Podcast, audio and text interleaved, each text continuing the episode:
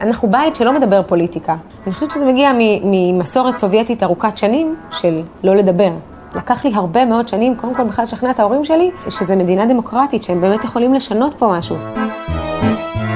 תכירו את אלכס ריף, היא בת 33, ילידת אוקראינה, עלתה לארץ עם ההורים שלה כשהייתה בת חמש. נולדה שם וגדלה כאן. וכמו רבים מבני הדור שלה, הפכה לחוליה מחברת בין ההורים למדינה החדשה. חוליה שיש לה בימים אלה תפקיד חשוב מאוד, כמעט דרמטי, בשאלה לאן ילך הקול של עולי ברית המועצות לשעבר.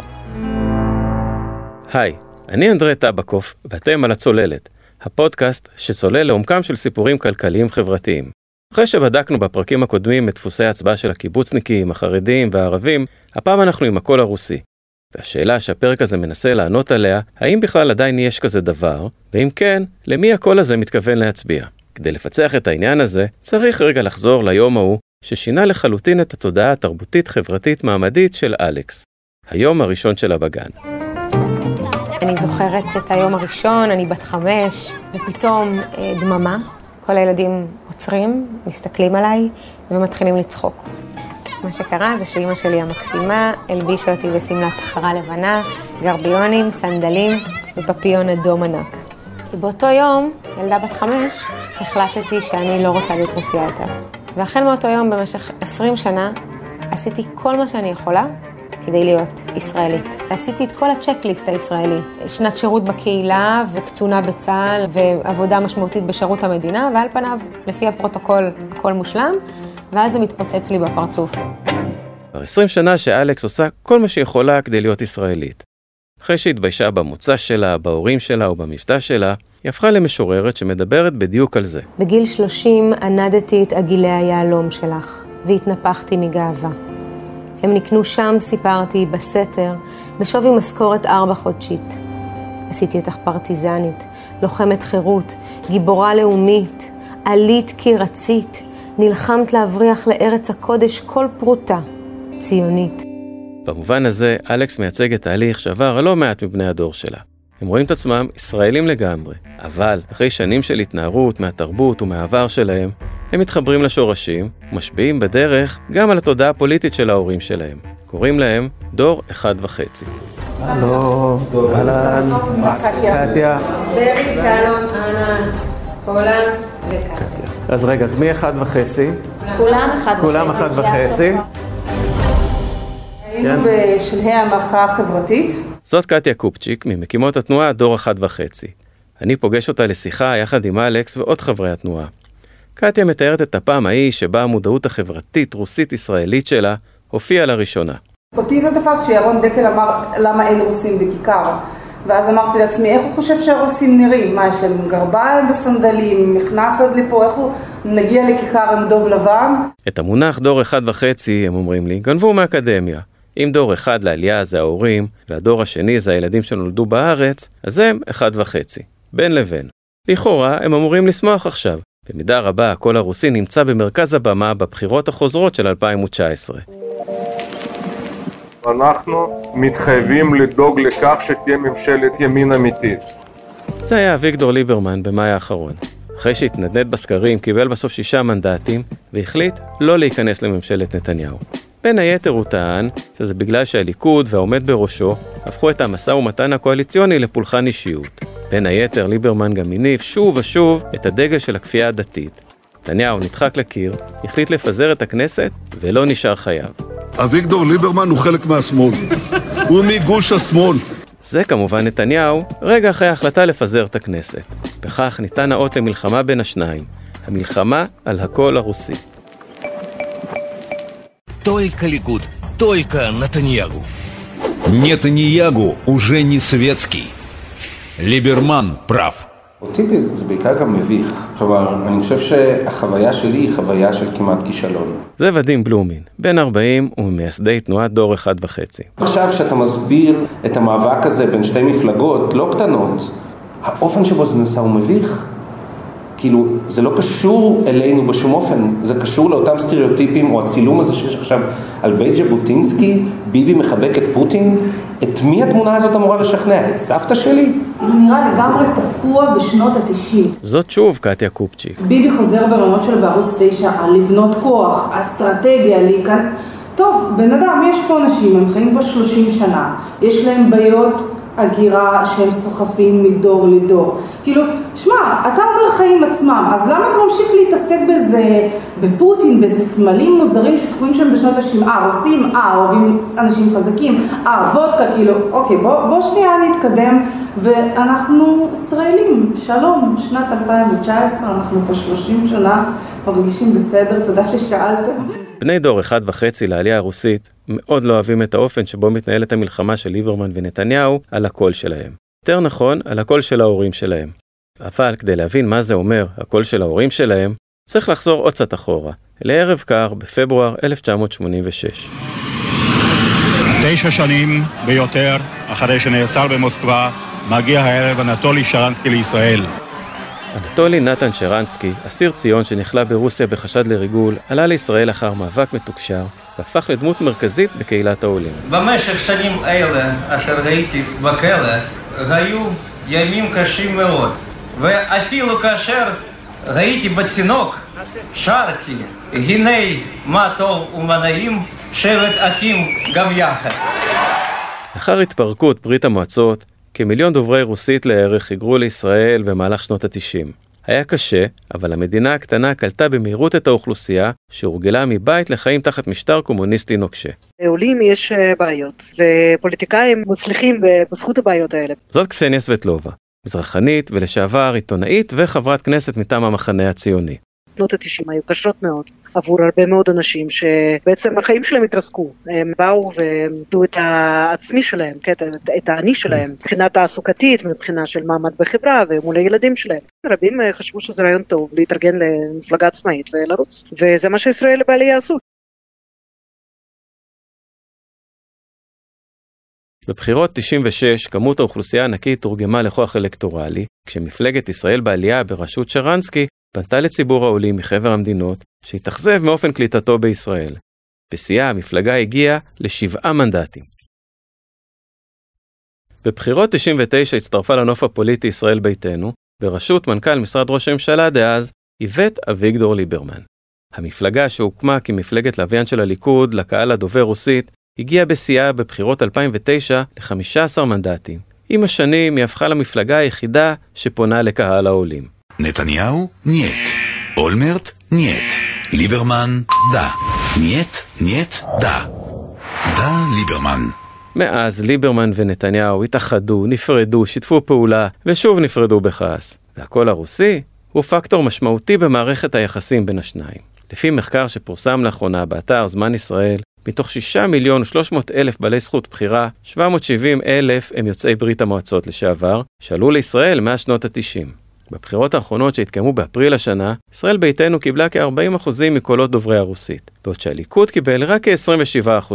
שאר הקולות התחלקו בין המפלגות השונות, משמאל ומימין. אתה מצביע? אה, ליברמן. ליברמן, כן? לא ביבי? ארץ ישראל זה בדיוק כמו רוסיה, בדיוק. אני בעד ליברמן. אני לגמרי נגד ביבי לגמרי. פוליטיקה יש רק אחד, ליברמן. זהו. הקולות האלה הקלטנו במכולת בבת ים, שאליה מגיעים הרבה מאוד לקוחות יוצאי ברית המועצות. הם נותנים את הסחורה למי שמבקש. רק ליברמן. ככה זה עובד מאחורי הקלעים. ברחוב הרוסי יש בעצם שתי קבוצות. קבוצה אחת הצעירים וקבוצה מבוגרים. הצעירים בדרך כלל הרבה פעמים נוטים שמאלה, הם הרבה יותר שמאלנים, הרבה פעמים מצברים. זה אלכס טנצר, פעיל חברתי ואיש תקשורת, בריאיון שהעניק לנו רגע לפני הבחירות הקודמות באפריל השנה. ברחוב הרוסי המבוגרים לא יודעים עברית. אתה צריך לתת להם פתקים לפני מערכת הבחירות. וביום הבחירות, הוא אמר לה ביום הבחירות, באוטובוס אנחנו מביאים אותך ומחזירים אותך. וככה ישראל ביתנו תקבל רק בהוסטלים ומקבצי דיור בערך 12 אלף קולות. טנצר חושב שמה שגרם לישראל ביתנו להתכווץ בבחירות האחרונות הוא העובדה שהם לא באמת מספקים תשובות לבעיות הבוערות. ברגע שהמפלגה מפסיקה לטפל בצורה נכונה ומזלזלת בקול הרוסי, היא פשוט מתחילה להיעלם. בואו לא נשכח שלפני כמה שנים ישראל ביתנו קיבלה 15 מנדטים שאחד היו מנדטים הרוסים. עכשיו בגלל שאי קיום הבטחות לגבי דיור, לגבי פנסיה, נישואים אזרחיים, המצב של ישראל ביתנו הולך ומדרדר.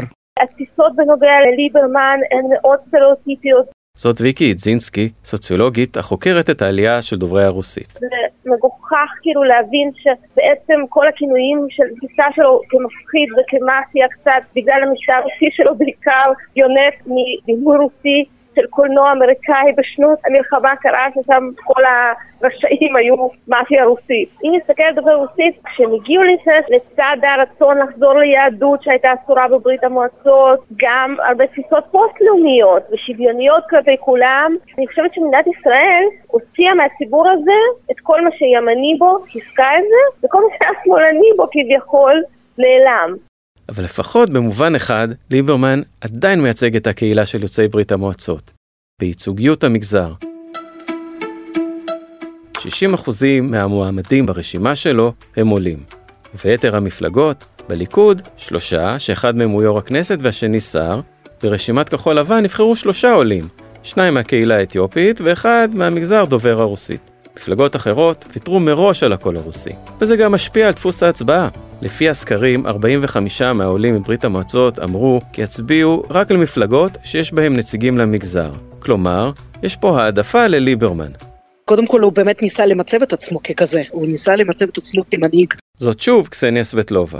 הציבור דובר רוסית שווה להערכתי היכן שהוא בסביבות ה-13-14, אולי עד 15 מנדטים. אז כלומר, לא רק שהוא לא אה, לקח אפילו את החצי. זה האם ניתן להתייחס אליו כמנהיג של אה, הקהילה? אני חושבת שבהחלט לא. ויש ציבורים מאוד גדולים שלא מצביעים ואף פעם לא הצביעו, אה, או הצביעו והתאכזבו, וחלקם אה, חוזרים עכשיו בחזרה כי אומרים שאין ברירה, אבל יש בהחלט חלקים שיגידו שהם לא, לא מזדהים עם התחושה הזאת שהוא מייצג אותם.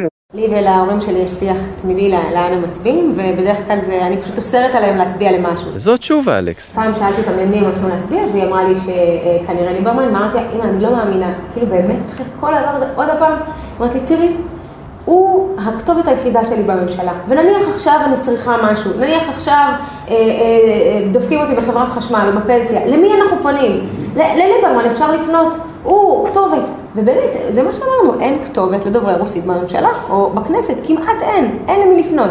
אם זה תלוי באלכס, אימא שלה לא תצביע לליברמן. הוא מכעיס אותנו יותר, כי הוא מרגיש לנו שהוא מבית, הוא כאילו דובר רוסית, הוא, הוא משלנו, אבל הוא עושה לנו עוול כפול, כי הוא גם מוכר לנו את הטיקט הרוסי, אבל לא מקדם שום אינטרס רוסי, וגם הוא עושה את כל הסטריאוטיפים שיש על ליברמן, זורקים גם עליי אחר כך. הוא עושה לי עבודה גרועה מכל הכיוונים, והוא בשום סיכוי לא מקדם שוויון וצדק בכל הקבוצות בישראליות, הוא מקדם שנאה.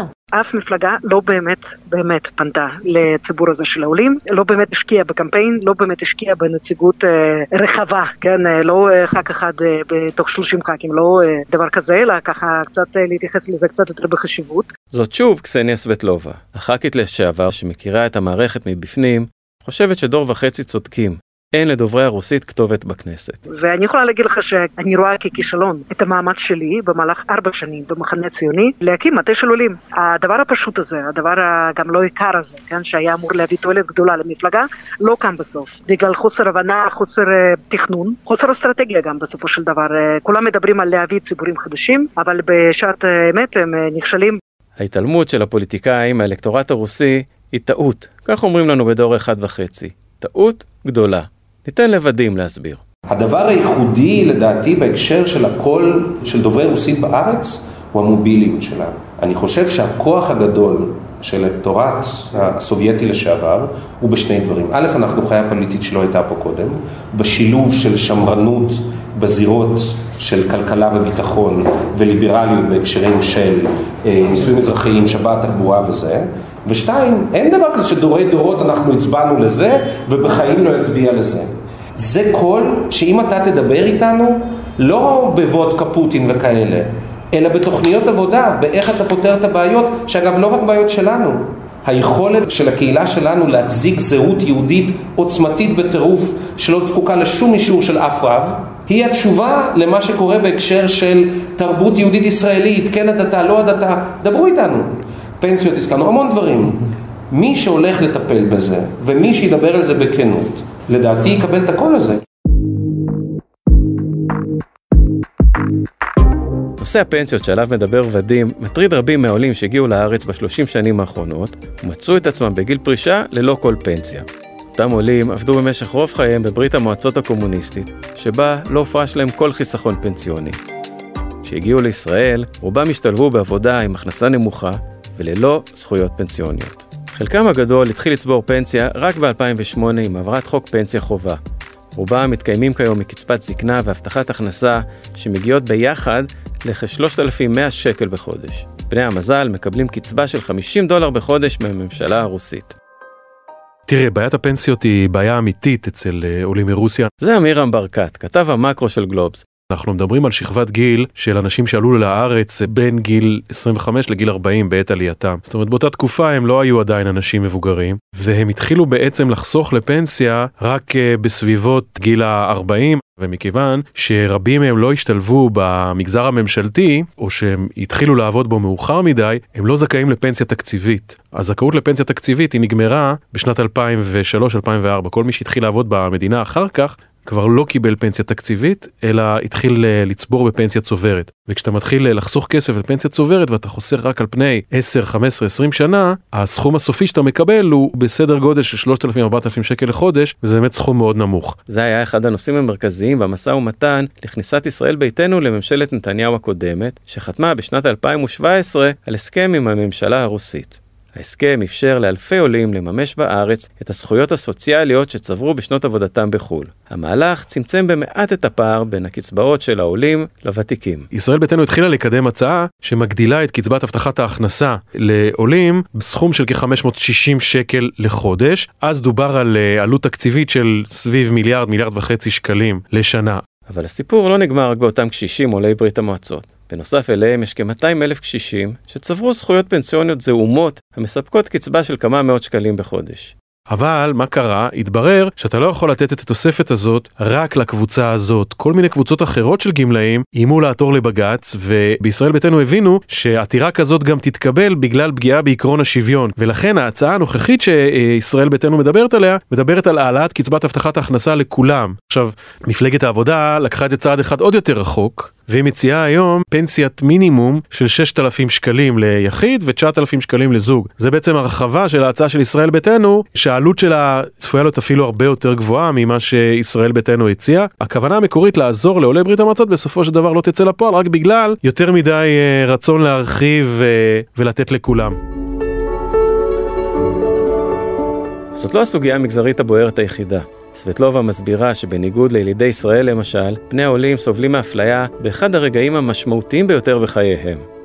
יש לנו פה במדינת ישראל כ-400 אלף איש שלא יכולים להתחתן במדינת ישראל. כל האנשים האלה, או שכבר יש להם ילדים, או שיהיו להם ילדים, גם הם לא יוכלו להתחתן פה. זו קבוצה שהולכת וגדלה. מלבד זאת, יש גם את אלה שיותר ויותר, ואני רואה את זה יותר בקרב ילדי העולים או עולים עצמם מאשר בקרב צברים, נטייה שלא להתחתן ברבנות ולא להכיר במוסד הזה, שהוא דורסני כל כך, במיוחד כלפי אה, יהודים שהם אה, עלו אה, ממדינות של חבר העמים. אז נוצרת פה איזושהי קבוצה יחסית גדולה, שרק תלך ותגדל, שאם הבעיה שלה לא תיפתר, אז מה יהיה פה? מה יהיו פה שני סוגים של ישראלים, של כאלה שלא יכולים להתחתן אחד בכלל עם אחד השני, לאן הגענו? הרבנות דוחה אותנו, אבל אנחנו מחפשים אותה. נחזור לוויקי אידזנסקי, הסוציולוגית שחוקרת את העלייה.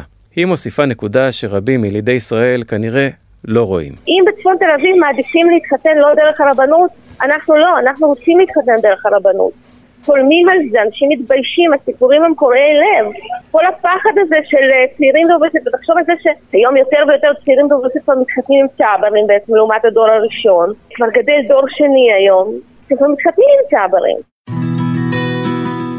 דור אחד וחצי בעצם אומר שאם תקשיבו לנו ולמצוקות של ההורים שלנו, אנחנו בהחלט נשקול להצביע לכם. הקול שלנו לא מובטח לאף אחד. ובכל זאת, נראה שחוץ ממלחמת כיפופי ידיים בין נתניהו לליברמן, לא בטוח שיש מי שמבין את זה או מקשיב לזה היום במפה הפוליטית. אז למי יצביעו העולים? חלקם, בעיקר המבוגרים שבהם, כנראה יצביעו לליברמן. בערך 40% מהם אם נסתמך על הבחירות האחרונות. והיתר? רבים מאלה שיצביעו פשוט יקשיבו לילדים שלהם. כל פעם מנסים לתייג אותנו, אתם שמאל, אתם ימין, אתם, מה אתם? כאילו, לאן אתם הולכים? ואנחנו מצביעים לא בצורה שבטית, אנחנו מצביעים כל אחד והאמונות שלו. חזרנו לאלכס. ככל שדור אחד וחצי הילדים אה, גדלו, התערו בתוך הישראליות, והתחילו הפוך להשפיע גם על ההורים שלהם, שעד אז רק ההורים היו, נקרא לזה, הגורם הפוליטי המשמעותי בבית, זה הולך ומתמסמס. אין דבר כזה יותר הקול הרוסי. הילדים משכנעים הרבה פעמים את ההורים להצביע, כמו שאני עשיתי. אין כבר הקול הרוסי. יש הקול שמדבר אמת ומאמינים לו. עד כאן פרק נוסף של הצוללת. מוזמנים ומוזמנות להזין לשלושת הפרקים הקודמים בסדרה על הקול הערבי, החרדי והקיבוצניקי. אם אהבתם את הפרק, עקבו אחרינו באתר גלובס ובאפליקציות הפודקאסטים השונות בלחיצה על כפתור ה-follow או ה-subscribe. תודה רבה לעורך רון טוביה, למפיקה בלה פישר, לטליה אלוני על התחקיר, למתן פורטנוי ולתום רייכרט על ההקלטות. קטעי הארכיון ששמעתם בפרק הזה נלקחו מעמודי הפייסבוק והיוטיוב של אביגדור ליברמן ובנימין נתניהו, ובאדיבות כאן, ארכיון תאגיד השידור הציבורי. אני אנדרי טבקוף, דור אחד וחצי לעלייה הברזילאית הגדולה של שנות ה-70. ניפגש בפעם הבאה, להתראות.